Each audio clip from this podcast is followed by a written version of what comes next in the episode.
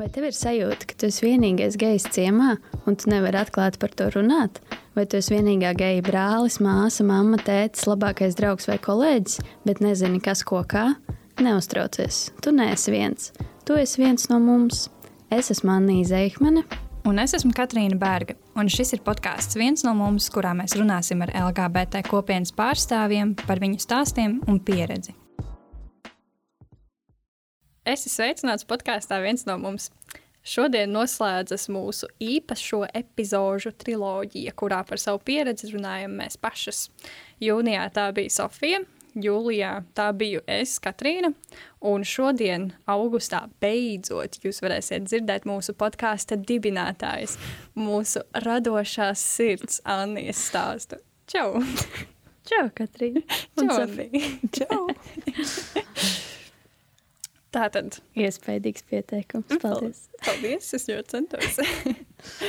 Tā tad visiem ir šis burning question. Pastāstī, kā tu identificējies? Kāda ir tava seksualitāte?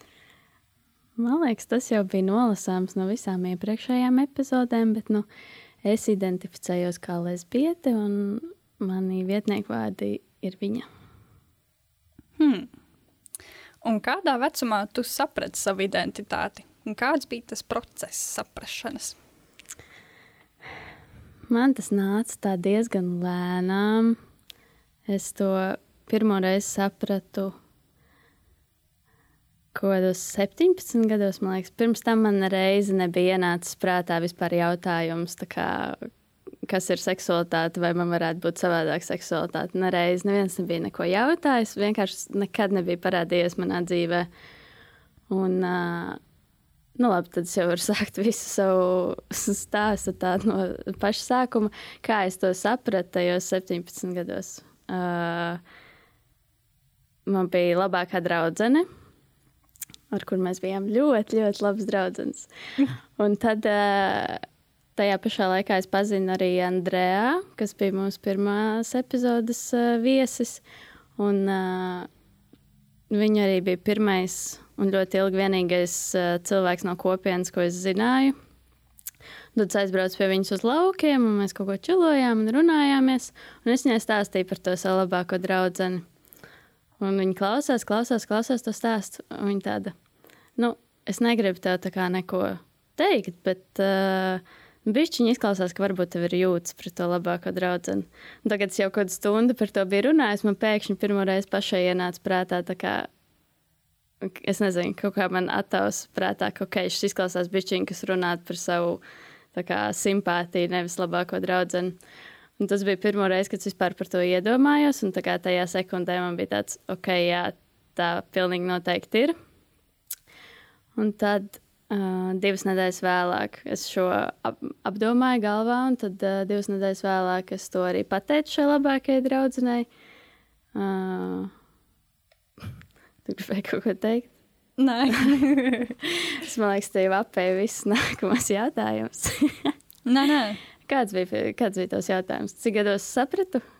Un kāds bija tas process? Ah, ok, nu labi. 17 gados pirmo reizi man ienāca prātā, tad es izdomāju, ka esmu biseksuāla, jo es nevarēju palaist vaļā šo domu, ka es būšu kādreiz ar puisi, tāpēc, ka man likās, ja es atzīšu, ka man patīk tikai meitenes, ka tas nozīmē, ka man nekad nebūs ģimene, man nekad nebūs laimīgas attiecības, ka man dzīve būs norakstīta pa lielam. Uh, Tāpēc es nevarēju to palaist vaļā. Un tad 19 gadu vecumā es sapratu, beidzot, ka ok, es esmu lesbieta. Tad man vēl ilgu laiku bija problēmas ar vārdu lesbieta. Un, tad, kad es pašā sākumā, tajos 19 gados, pirmajiem cilvēkiem, kam es teicu, ka es esmu sapratusi, okay, ka tiešām man patīk tikai meitenes, es šiem cilvēkiem teicu, ka 99% ka es esmu lesbieta, un 1% tomēr paliek. Varbūt nē, es tiešām nevarēju palaist vaļā to, to domu, ka man jābūt ar puisi. Jā, tad 19 gados beidzot nāca apskaidrība par mani. Wow. Es, nē, nu, es, es par wow. to, ka kā, ļoti daudziem cilvēkiem ir tas, ka arī man ir tas, ka nevar palaist kaut kā to.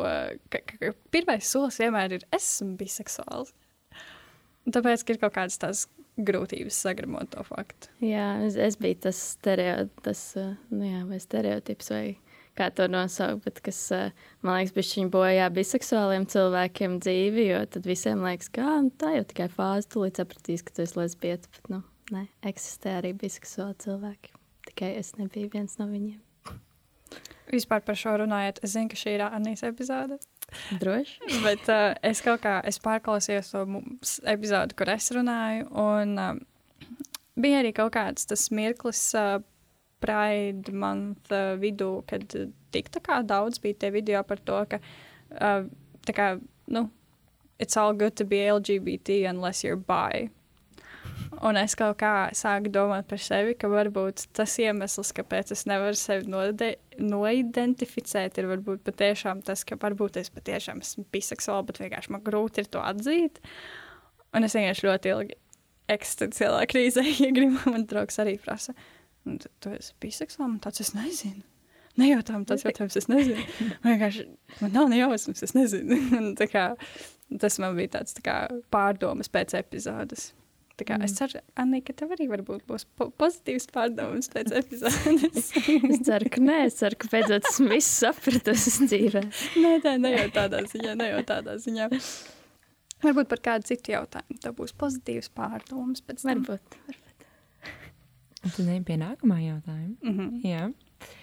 Tad kā tu par šo runāji ar saviem draugiem? Cik es sapratu, jā, runāji ar to par to ar Andreju. Un, uh, tad kā tu par to runāji arī ar ģimeni? Un kāds bija tev tas iznākšanas no skapja process? Hmm. Jā, pirmais cilvēks bija Andrejā, es, ar kuru es vispār kaut ko par to runāju. Tad nākamais cilvēks bija tā labākā draudzene, pret ko man bija simpātijas. Um, es nezinu, kādas bija manas expectācijas no tās sarunas. Bet uh, iznākums nebija pārāk tāds priecīgs, kas ir tagad, man liekas, loģiski, bet tajā brīdī es nezinu, uz ko es cerēju. Bet, uh, nu jā, viņi, viņi pateica, ka ok, it's fine, bet kā, man liekas, ka mums nevajadzētu vairāk divi tā tikties. Mēs tāpat tās bijām vienā klasē, un mēs bijām vienā draugu kompānijā. So loģiski mēs tikāmies, bet uh, ok, tad divi tā mēs vairāk netikāmies. Uh, Un tas bija ļoti mm, sāpīgs un bēdīgs posms, jo kā, tajā vienā dienā man bija sajūta, ka es pazaudēju gan savu labāko draugu, ar ko es pēdējos, pēdējo pusotru gadu biju katru dienu pavadījis kopā. Un reizē arī jā, man simpātija bija mani atraidījusi. Nu, jā. Un nākamais cilvēks pēc tam bija arī no mūsu draugu kompānijas. Tad vienai citai meitenei izstāstīja visu šo situāciju.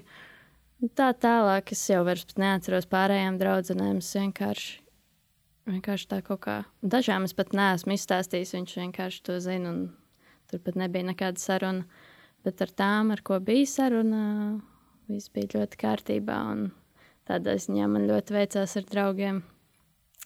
Ar to trešo cilvēku, ar to Eh, nākamā meitene no mūsu draugu kompānijas bija diezgan smieklīga, kā es viņai pastāstīju, jo mēs tajā laikā abas divas gājām improvizācijas teātrī.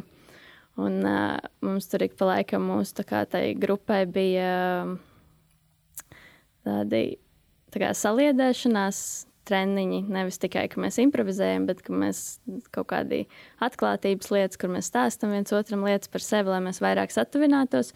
Un tad bija viena tāda reize, un mums bija uzdevums, kas saucās atklātības aplis, un tev bija jāstāv vidū, jāpagriežās pret katru cilvēku, kas tev stāv apkārt, un jāpasakot vienu lietu, ko tu neesi nevienam teicis. Un, kā oh. visiem tiem cilvēkiem. Un tad tajā aplī es pagriezos pret to savu draugu un pateicu viņai, ka esmu biseksuāli. Tad reizē es iznācu no skapja arī visiem pārējiem savā improvizācijas grupā, bet es izmantoju vienkārši šo. Atklātības lai viņai to pastāstītu. Wow. Tas ir iespaidīgi. iespaidīgi jā. jā, man liekas, kaut kā bija bišķiņa vienalga par tiem pārējiem improvizācijas grupas biedriem. Es nezinu, vai man likās, ka viņiem visiem būs vienalga par šo faktu vai kā, bet man tiešām vienkārši gribējās izstāstīt tai draudzenei. Tāds riktīgs spiediens izkāpt ārā no komforta zonas. Viss tas wow. improvizācijas teātris, mēs tur pusotru gadu gājām. Viss tas laiks bija tāds, ka tu konstanti katru dienu, katru nedēļu izkāp no komforta zonas. Mēs arī uzstājāmies, man bija jākāpj skatos, kas man likās Tā kā man ļoti nepierast, un man nepatīk būt uzmanības centrā. Tad, tāpēc tu vadi podkāstu. Jā, tāpēc es vadu podkāstu, tāpēc es biju improvizācijas teātrī ļoti, ļoti atbilstošas izvēles manā dzīvē. Mm -hmm. Es piekrītu, ļoti atbilstoši. jā. Un tad kā tev gāja ar ģimeni? À, nu, ar ģimeni, jā. Mm. Tur gāja bišķiņi grūtāk nekā ar draugiem bet arī droši vien pozitīvāk nekā es gaidīju. Uh, es tā kā kādu laiku, jā, ģimenē es pateicu 19 gadu vecumā pirmo reizi. Tas bija tā kā es jau divus gadus dzīvoju ar šo informāciju, bet man likās, ah, nu, priekš kam man teikt, pateikšu, ka man būs draudzene, ja man būs kādreiz, bla, bla, bla. Bet tad um, es aizgāju uz kino, un uh, viena pati aizgāju noskatījos Bohēmistu rapsodiju. Un es nezinu, vai jūs pazīstams ar šo filmu. Tur ir tāds storyline, kā šis cilvēks visu dzīvi ir slēpis savu identitāti. Un tā, un tā filma man atstāja tik milzīgu iespaidu. Man bija tāds, viss, nē, man ir jāpasaka. Un tajā pašā vakarā es aizgāju mājās un visiem pateicu. Es piezvanīju tētim, es katram individuāli to pateicu. Piezvanīju tētim, pateicu, un viss bija kārtībā. Es tad piezvanīju māsai, brālim. Brālim tajā brīdī bija 12 vai 13, 12 laikam gadi. Un tad es viņam piezvanu. Mēs tā kā nerunājam par šādām lietām. Mēs varbūt neesam tik tuvi. Un tad es vienkārši tā kā piezvanu, pasaku šo, jā, nu, klausies, esmu biseksuāli. Un viņam bija tāds, ok. Jā. Tajā viņa balsī bija skaidri dzirdams, ka viņam bija tāds, kāpēc tu man šo šobrīd saki, kāds sakars? Man ir pilnībā vienalga. man bija tāds, nu, es vienkārši gribēju to pateikt. Nu, labi. Un tā mūsu saruna beidzās. Mā, ar māsu arī viss bija kārtībā. Un tā.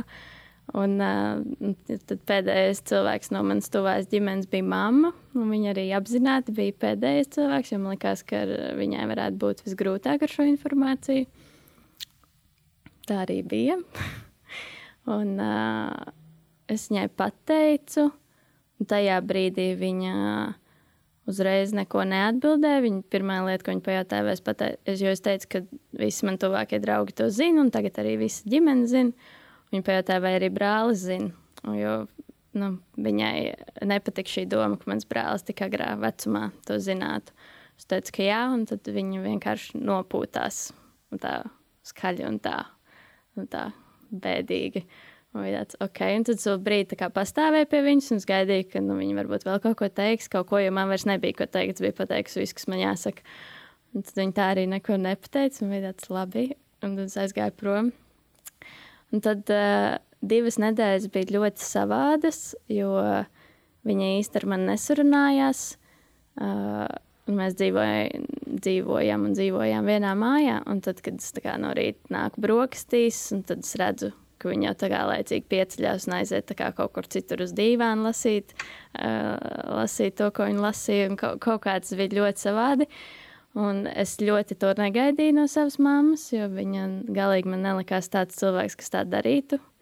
Bet tagad es saprotu, ka jā, šī arī bija tāda situācija, kas bija, nu, jā, es nezinu, viņa ļoti nebija tam gatava, acīm redzot. Kas man liekas interesanti, jo es visu dzīvi, man liekas, esmu bijis tāds tomboy, es nezinu, tāds puicisks. Un, nu jā, bet labi, man arī pašai neienāca prātā līdz 17 gadiem, ko es, ko es varu gribēt. Nu jā, un tad tās divas nedēļas pagāja, tad mums bija tāda saruna, jo man bija domāts braukt ceļojumā uz kaut kādu nedēļu. Viņai bija tāds, labi, man liekas, mums jāparunā pirms to aizbrauc. Man bija tāds, nu, man arī tā liekas, jābūt labi. Uh, Un tad tā saruna bija diezgan sāpīga, bet uh, ļoti izglītojoša, man liekas, mums abām, jo viņa man uzdeva visus jautājumus, kas viņai bija. Man prieks, ka viņa viņus uzdeva nevis tā kā vienkārši savā galvā turpināja viņus domāt. Viņa izteica visus savus minējumus, visas lietas, kas viņai ir galvā. Un, uh, nu, jā, tur, nu, jā, es nezinu, man man teikt, kaut kāds piemērs vai nē. Es... Kā gribi? Kā tu jūties, mm. kā ir pareizāk? Nīt vēlēs, man, piemēram, interesē, kas tie bija pie jautājumiem, kas Jā. otram cilvēkam varētu rasties tādā situācijā.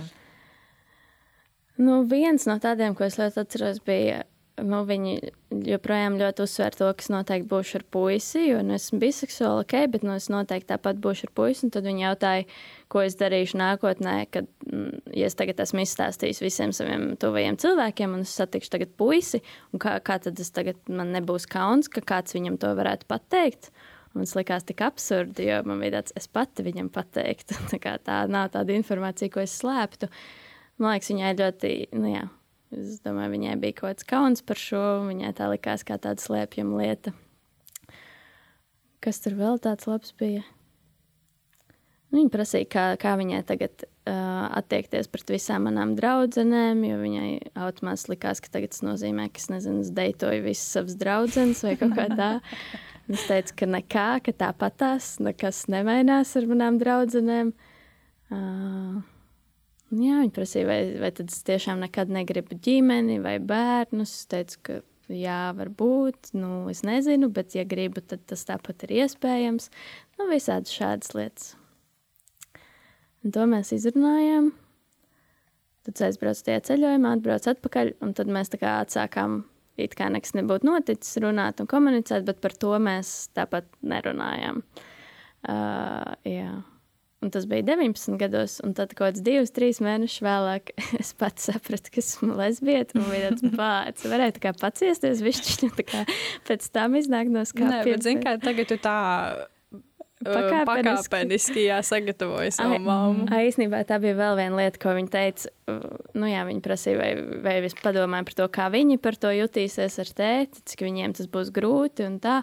Un tad viena no lietām bija, kāpēc es to nevarēju tā pakāpeniskāk paziņot. Un man bija tāds, kā pakāpeniskāk. Tā kā es nezinu, sāk staigāt ar varavīksnes kraklu. Vai, es, ne, es nesapratu, kas ir pakāpeniskāk.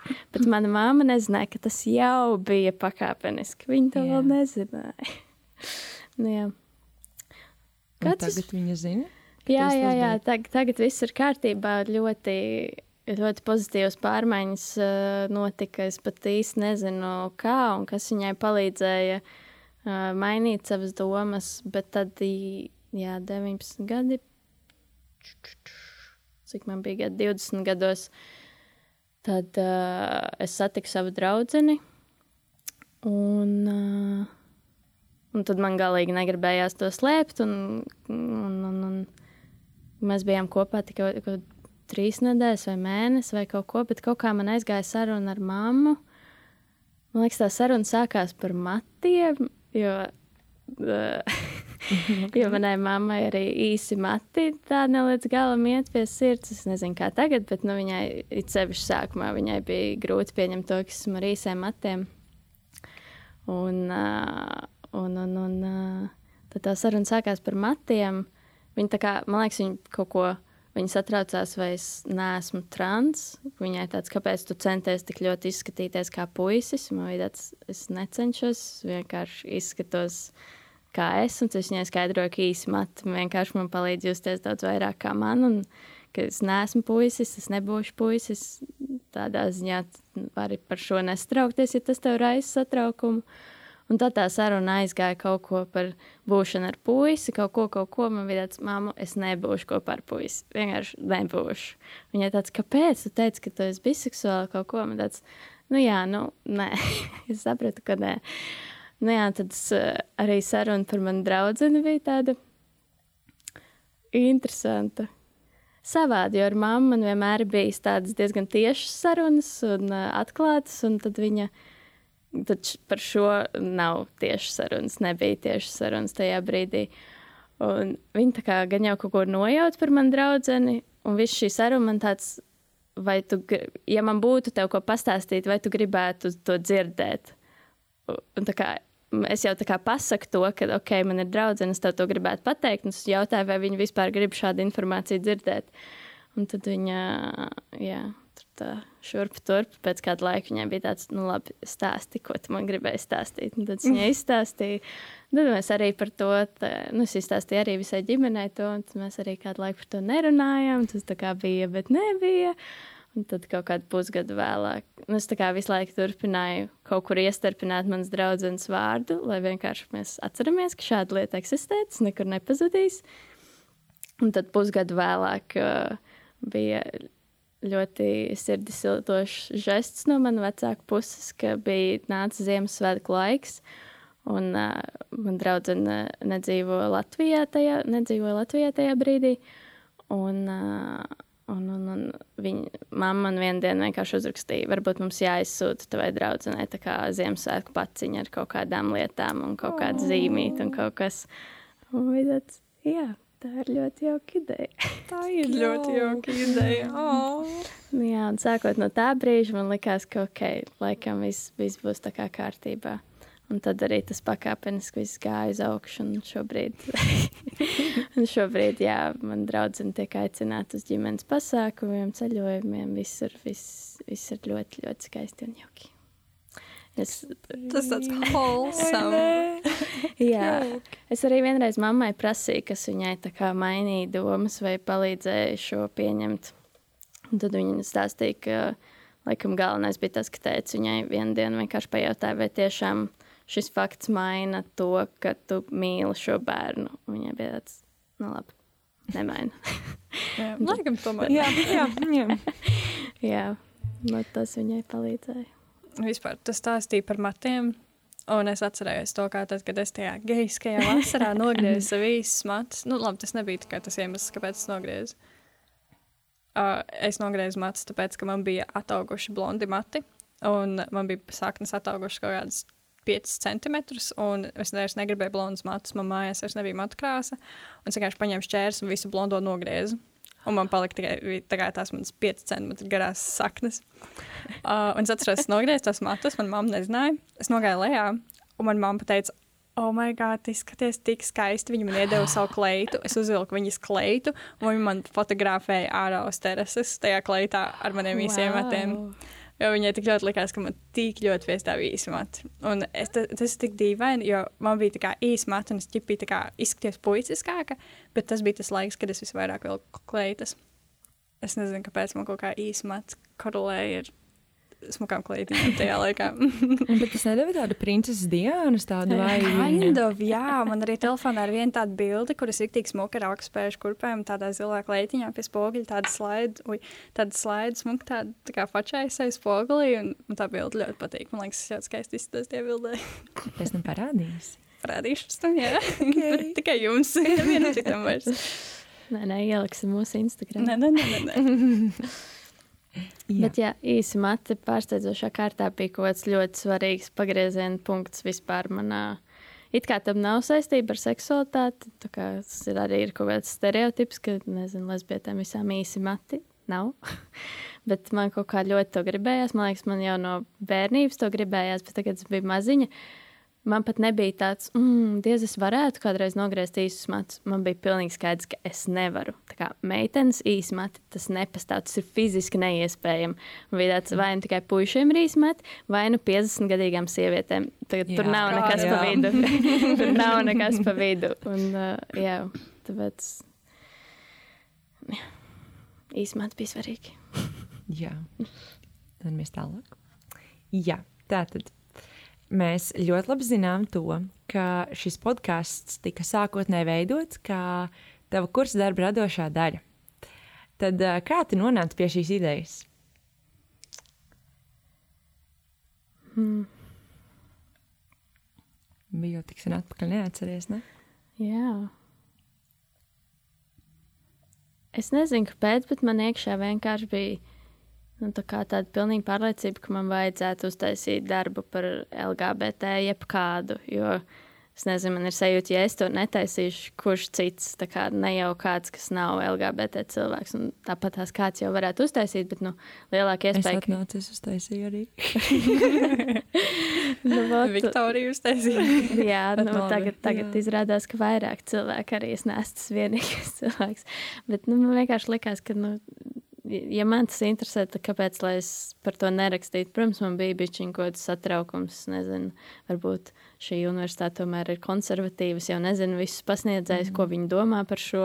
Varbūt kāds man gribēs ieriept un ieliks tur nezinu kādu atzīmi, tāpēc, ka es esmu uztaisījis šādu darbu. Es nezinu, tas viss, protams, man ienāca prātā, bet kaut kā es uzticējos tam, ka cilvēkiem vajadzētu būt saprotošiem, un tā ir tikai manas tēmas izvēle. Un, un, jā.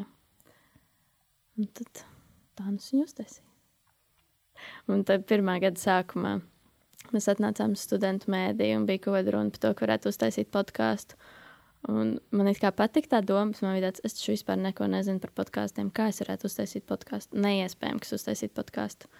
Tad vienkārši gadu vēlāk jau iznāca mans podkāsts. Tas bija tā forši. Kāds, uh, kāds bija podkāsts sākotnējais veidošanas process? Uh, Pastāsti, kā tev gāja veidojot tās pirmās divas epizodes. Mm, nu, viņš nebija tik foršs kā tagad, jo es netiku studijā. Jo es nebiju. jo tu nebija, un nebija arī Nebija Sofija. studija, un Sofija nebija. Bet uh, bija Covid laiks, un nevarēja tikties. Un man bija tāds, kā lai es par uztaisu podkāstu, tad viss notika Zoomā. Tas cilvēks, ko es intervēju, sēdēja ar vienkārši telefonā savā ierakstīja diktafonā. un Tāpēc arī tā skaņa tur tāda mehbišķiņa. Man arī būtu paticis labāk tā kā klātienē runāt ar tiem cilvēkiem. Nu Jā, Un Mēs jau varam uzaicināt, Jā. atkārtot. atkārtot. Jā. Jā. No Vācijas, lai lidošu šeit, iemesls apciemot Latviju atkal. Jā, nu, īstenībā varētu man patikt tas. Man arī man liekas, ka tas būtu arī. Nu, Forši kaut kā apdeitot, piemēram, pēc gada, kā Jā. tad mūsu tiem viesiem gāja. Varbūt tos pašus jautājumus pat uzdot, vai nezinu, kaut kas ir mainījies, ko arī uzskati ir mainījušies. Davai. Vai kā, kā kaut kas mainījās, vai, vai kaut kas dzīvē mainījās pēc tā podkāsta, vai, vai kāds Podkāsts uzrakstīja, ka- apgrieza viņu visu dzīvi vienkārši. Jā. Un tā kā tu veidoji podkāstu universitātes darba ietveros, tad es saprotu, ka tu par savu seksualitāti arī esi publiska universitātes vidē. Un tad kādas ir tavas sajūtas, esot publiskai par savu identitāti? Nu, šobrīd nekādas. Man tas pārāk neietekmē manu dzīvi. Uh, nu, kopā ar podkāstu publicēšanu arī tā bija mana publiskā iznākšana no skapja, jo pirms tam es biju teikusi draugiem, teikusi ģimenei, vēl kaut kādiem cilvēkiem, bet tas nekad nebija tā, ka es būtu kaut ko ielikusi Instagram, kur to visi mani sekotāji varētu redzēt. Uh, un, un, un. Jā, tāpēc man bija diezgan satraukums par to podkāstu publicēšanu, jo tas nāca kopā ar to preses relīzi. Un TV netā ieliek vienkārši rakstu, par, kur ir mans vārds, uzvārds, bilde, un es esmu lesbieta. Tas tāds višķiņš satra, satraucošs mirklis. Tāds, ar, arī manai mammai, piemēram, kas nu, būtu gribējis, lai, ok, it's fine, bet nu, tā kā nevajag jau arī tik skaļi runāt, mm -hmm. piemēram, TV. Saņemam. nu, jā. Ja nu mēs neko nepateikt mammai, un tas, kā viņa uzzina no TV, ne? Tas man liekas, tā kā Danas stāsts. Viņš teica par to, ka. YouTube ka kaut kas tur ielika. Bez pēkšņi. tabū sižets. Nē, bez tabū sižets Jā. vai kaut kas tāds. Kaut kas tāds. Man liekas, jā. viņš neteica, ka tas bija bez tabū sižets. Man liekas, ka es zinu, ka tas ir bez tabū sižets. Ekspozoja jau nezinu, vēl nezināmo informāciju. Nu, viņš toreiz podkāstā teica, ka kaut kāds žurnālists, bet es kaut kā atceros, ka tas bija bez tabū. Ai, labi, off topics. Nu, jā, Labi. Bet uh, atbildot uz to jautājumu, tajā pirmajās dienās, pirmajā nedēļā tas bija ļoti satraucoši. Man liekas, ka Dievs, ko tagad viss domās, visi tie cilvēki, kas man pazīst, to tagad ir ieraudzījuši, ko viņi tagad visi domā. Bet tas vienkārši laiks gājis priekš. un Tas, nu, man prieks, ka tā ir. Man prieks, ka man ir sajūta, ka visi zina un viss man par vairs nav par to jādomā. Bet man arī šķiet, ka būs tie visi headeri un uh, tās bildes, kas ir kā podkāstam, ir ļoti, ļoti geiskas. un man šķiet ļoti tā kā, tā kā mēs, mēs patiešām we went all out. Jā, Tā kā ja tas ir LGBT podkāsts. jā. Bam, varavīgs, bam, tu vienkārši viss. Nu, lai arī- cilvēkiem nav nekādu šaubu. Jā. Mm, Nulle. Viss. This is gay safe space. Jā, jā. Viktorīnas jautājums. Ir pienācis laiks Viktorīnas Vai jautājumam. vieniņa? Vai tu esi gatava? Jā. Jā. Tātad Rīgā 2022. gada 18. jūnijā notika Pride gājiens ar saukli Until We All Are Free. Un mūsu šīs epizodes Viktorīnas jautājums ir, cik apmēram daudz cilvēku piedalījās Rīga Pride gājienā, neieskaitot malā stāvējus? Um, iedot variantus. Nu, mans minējums ir 4000. Man liekas, es dzirdēju tādu skaitli. Ja tas nav pareizais, tad dod variants. Tas nav pareizais. Es tev došu Nu, variantus. dod. A variants 3500, B 5000, C 7000. Nu, labi, es būšu optimistiski 5000. Ding, ding, ding. Nice. Tas bija pareizais. Vakar jā. diskusijā mēs runājām, kāds teica 4000. Kāds bija diži jā, latviešu gejus? Bet, Mm. mm. wow, 5000 tas ir iespaidīgi. Tas ir. Un pie tam, ka tas nav Baltijas prēts, bet tīri tikai Rīgas. Jā, Wow, tas ir liels pasākums Rīgas un Latvijas gejiem. Forši. Vairāk iesaistās tādā aktīvismā. Akti, mēs esam aktīvi, mēs nekur nepazudīsim. Mūs ar tiem autobusiem mūs neiznīcinās.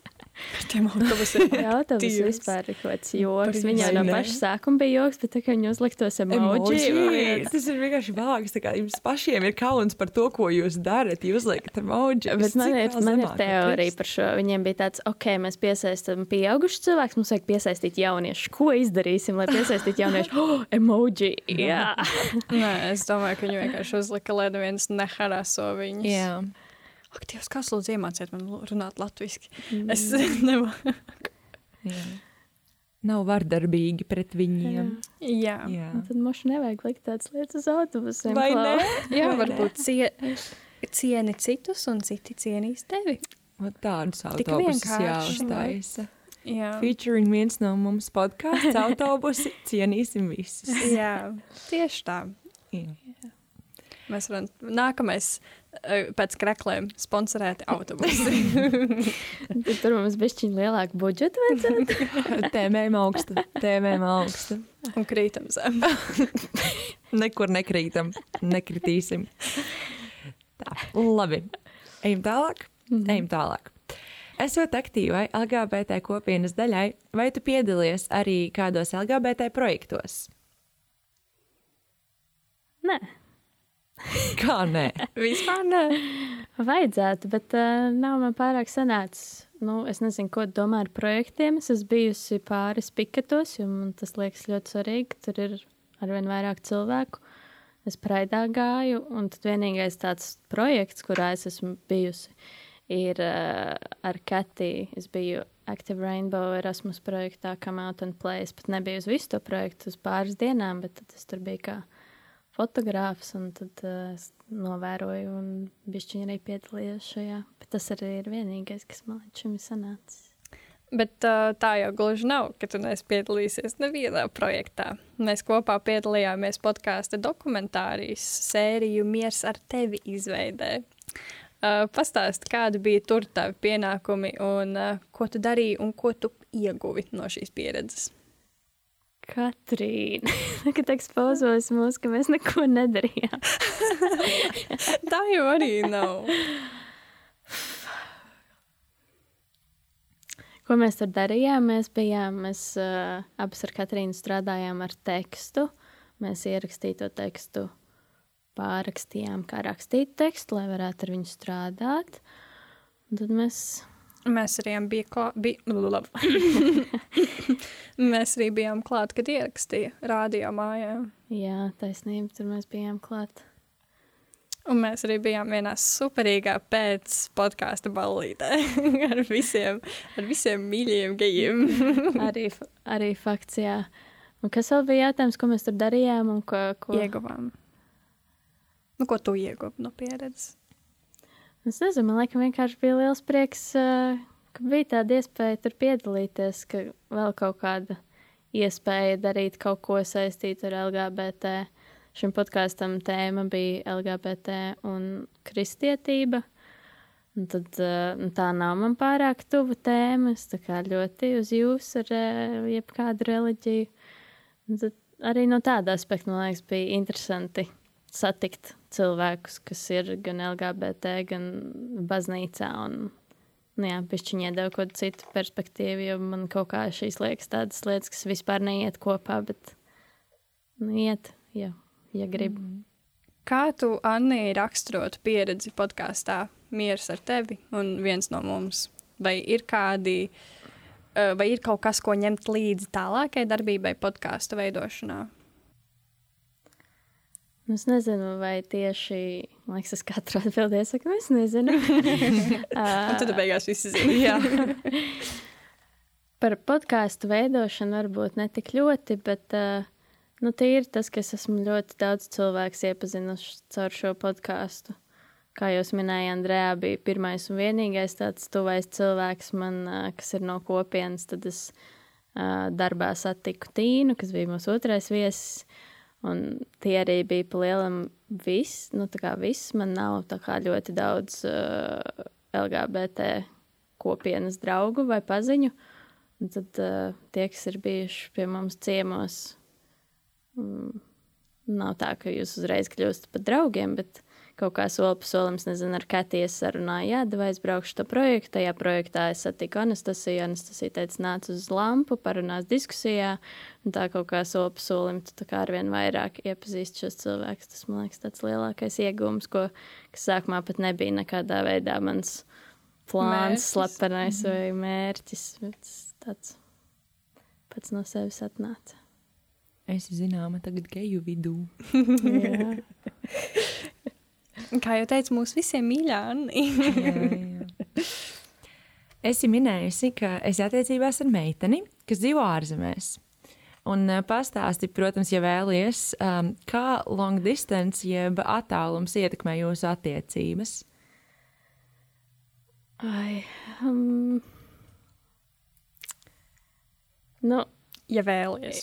Jā, Nē, nu, Varbūt es pastāstīšu, pastāstīšu, bet īsāk sakot, nu, attāluma attiecības ir ļoti grūtas un nav baigi fun lieta. So, ja jums ir iespēja no tādām izvairīties, tad es varbūt tā ieteiktu. Tam, protams, ir arī nu, tā kā kaut kādi plusi savā ziņā, jo, nu, labi. Mēs satikāmies, mums bija divas nedēļas, lai mēs iepazītos, un viņa pēc divām nedēļām jau brauca prom no Latvijas. Uh, un pirmajā randiņā es viņai jautāju, uh, tā kā es zināju, ka viņa mācās kaut kur citur. Man bija tāds, ah, cik tad tev drīz jābrauc prom, kaut ko viņa tāda, nu, pēc divām nedēļām. Un tajā brīdī man bija tāds, ko tad mēs šeit darām? Tā kā, Kāpēc mēs esam randiņā, ja pēc divām nedēļām brauc prom? Bet izrādījās, ka uh, tas nav šķērslis, iet uz pirmo randiņu. Un, jā. Tad pēc tam divām nedēļām viņa aizbrauca, un tad mēs netikāmies astoņus mēnešus wow. kas bija šausmīgi ļoti ilgs laiks, un jā, Jā. tas vēl plus bija Covid laiks. Kaut kur pa vidu tam man bija tāds diezgan liels breakdowns, kad, ok, tā kā es vienkārši gribu iekāpt lidmašīnā, man vienalga, cik tas maksā, man vienalga, man ir skola vai kas, es vienkārši gribu aizbraukt pie viņas, bet es fiziski to nevarēju, jo tas Covid dēļ vispār nebija atļauts. Man bija tāds, nu jā, man nebija kur likties ar šo visu sajūtu, un, uh, nu jā, noteikti Nu, jā, es nezinu, ko, kā, ko lai vēl tādu labu pasaku par šo, bet uh, noteikti ar kuru katru es n- nepiekrist būt tādās attiecībās.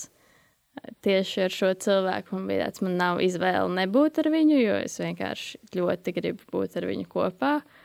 Un arī kaut kur, nu, nevienā brīdī, tajos astoņos mēnešos, tur nebija nekāda opcija, kad uh, mēs varētu izšķirties. Jo man lielākā problēma bija tā, ka man viņa šausmīgi pietrūkst. Un, tā kā es izšķiršos, tas uh, nemazina manu problēmu. Nu, jā. Mm. Jā, un tas bija ļoti grūts, grūts posms. Sākumā bija domāts, ka tie būs trīs gadi, tagad tie jau ir divi gadi, kas tūlīt beigsies. Un, jā, jo tā kā jau ar tiem astoņiem mēnešiem man bija pilnībā pietiekami, tad jau ar otro gadu man tā kā riktīgi pietika. Paldies! Nu, jā. Tad eh, kādi ir lielākie izaicinājumi, mācības un padomi citiem, kas ir saistīti ar long distance attiecībām? Man liekas, ir ļoti grūti uzturēt long distance attiecības, ja jūs abi esat ļoti aizņemti. Mums tas it sevišķi pirmajā gadā ļoti paveicās, ka nu, man nebija darbs, man bija tikai skola, bija covid laiks, es nekur nevaru īsti iet, neko nevaru īsti darīt. Uh, viņai tur arī savas lietas, bet mums bija ļoti daudz abām brīva laika, ko runāt. Man liekas, pirmajā gadā cevišķi mēs katru dienu vismaz kādas trīs stundas pavadījām FaceTime. Tā kā citas reizes vienkārši kaut kādas septiņas stundas no vietas norunājām, ka man jau bija kaut kāds nakts vidus, bet mēs vienkārši runājāmies. Un, nu, jā, man liekas, tas ir lielākais pluss, kas mums bija, ka mums bija daudz brīvu laiku un ka mēs abas arī gribējām viņu pavadīt FaceTime. Es ticu, ka ir cilvēki, kas negribētu. Bet, uh, Nu jā, arī Covid laiks, ko citu tu darīsi, ies ārā sēdēt viens pats par kā. jā, jā, tas tāds. Vēl tāda arī lieta, kas es nezinu, vai tas visiem strādā, bet man visu dzīvi ir ļoti paticis rakstīt cilvēkiem vēstules un saņemt vēstules. Es nezinu, kāpēc man vienkārši ļoti patīk viss tā doma par vēstulēm. Nu, tā ir arī vēl viena lieta, ko mēs darījām un joprojām darām. Mm. Mēs visu laiku sūtījām vienotrai roku rakstītas vēstules. Tad tas ir tā exciting. Viņas iet tā kā ilgu laiku, un tad viņas gaidi, un tad tev atnāk tāds ošs cilvēks. Viņu izsūtīja pirms, nezinu, trim nedēļām, un tagad es viņas saņēmu. Un tad tu vēl vari iesmaržināt vēstules ar savām smaržām, visādas lietas. Jā, tas ir raudāt, tas ir tik jauki. Var uzlikt lūpu krāsu un nobučot. Jā. Mums mm. bija tas spēks, to visu turpināt un nepadoties. Jā. Cik romantiski. Protams, ēlīgi sāpīgi, bet ārprāts tik liels prieks, ka jums sagāja. Jā. Tuvojoties beigām, pastāst, Annī, kādas ir tavas svarīgākās atziņas uh, sevis atklāšanas procesā? Nu, varbūt pirmais ir tas, ka nevajag Es zinu, ka tajā brīdī man bija sajūta, ka man, kā, man tagad vajag zināt, ka, kas es esmu, kas notiek. Man vajag, nezinu, tad, kad es to tikko sapratu, tajos 19 gados, kad es beidzot sapratu, jā, ka es esmu lesbieta. Man gribējās tajā sekundē vienkārši paņemt, ielikt Instagramā postu ar savu seju, un es esmu lesbieta. Lai kā man tik ļoti gribējās to visu, kā, nezinu, pātrināt. Uh, Bet uh, man liekas, tajā brīdī, ja es to arī būtu izdarījusi, man liekas, es rīktīgi nebūtu vēl tam gatava. Un tāpēc vienkārši viss prasa laiku, un arī tie paši mati, kas man bija tik svarīgi, ja viņus nogrieztu 15 gados, varbūt nejustos pietiekami pārliecināta vai kaut kā tā, lai es izbaudītu to visu. Mm -hmm. Tā kā nevajag speciāli mēģināt sasteigt lietas. Ja tev gribās, ok, es pateikšu šodien ģimenē, lai tas ir izdarīts, tad tā kā, jā, dari to, bet nemēģini tā kā visas lietas vienkārši visu šodienas gribu visu izdarīt, lai rīt es vairs varu nedomāt par neko. Tāds īsti nestrādā šajā gadījumā, manuprāt. Un ko tu ieteiktu podkāstu klausītājiem? Mēs pirms tam runājām par manu mammu, un es šogad pirms podkāstu domāju, vai man gribās stāstīt kaut kādas lietas par mammu vai nē, jo Tāpēc, ka šobrīd tā situācija ir ļoti mainījusies, un arī tāpēc, ka es vienkārši ļoti mīlu savu māmu, un viņa ir lielisks cilvēks. Man negribās teikt kaut kādas sliktas lietas, vai kaut nu, kas man likās sliktas lietas, ko viņa ir. Nu, negatīvas, jā, ne, netik pozitīvas. Negatīvas lietas, kas ir saistītas ar viņu. Bet uh, tāpēc es tagad uzsvēršu, ka viņi ir. Uh, Kā viss ir pavērsies ļoti pozitīvi, un viņi ir ļoti atbalstoši šobrīd. Bet uh, ko es ar to gribu ieteikt, ka, uh, ka piemēram, man pašai šo visu saprast prasīja, es nezinu, piec, nu, daudzus gadus. Un, uh, kā, es to pasaku savai mammai, un es gaidīju, ka viņa tieši tajā sekundē to sapratīs un būs ok ar to. Lai gan es pati vispār nebiju ok ar to daudzus gadus.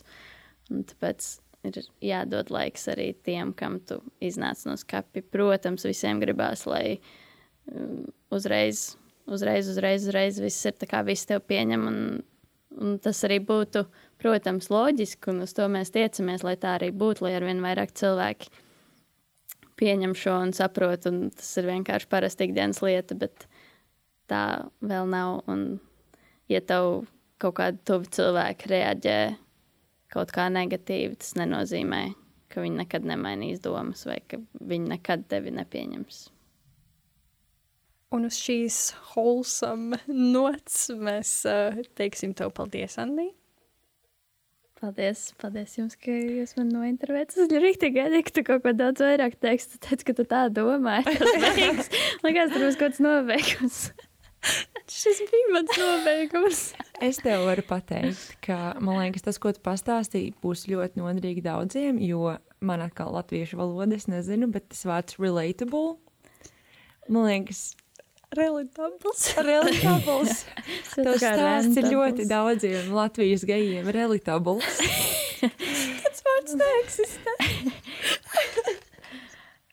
Mēs varam sākt Cilvēki var jaunu. saredzēt sevi manā Jā, stāstā. jā, ka cilvēki daudzi varēs redzēt tevi savā stāstā.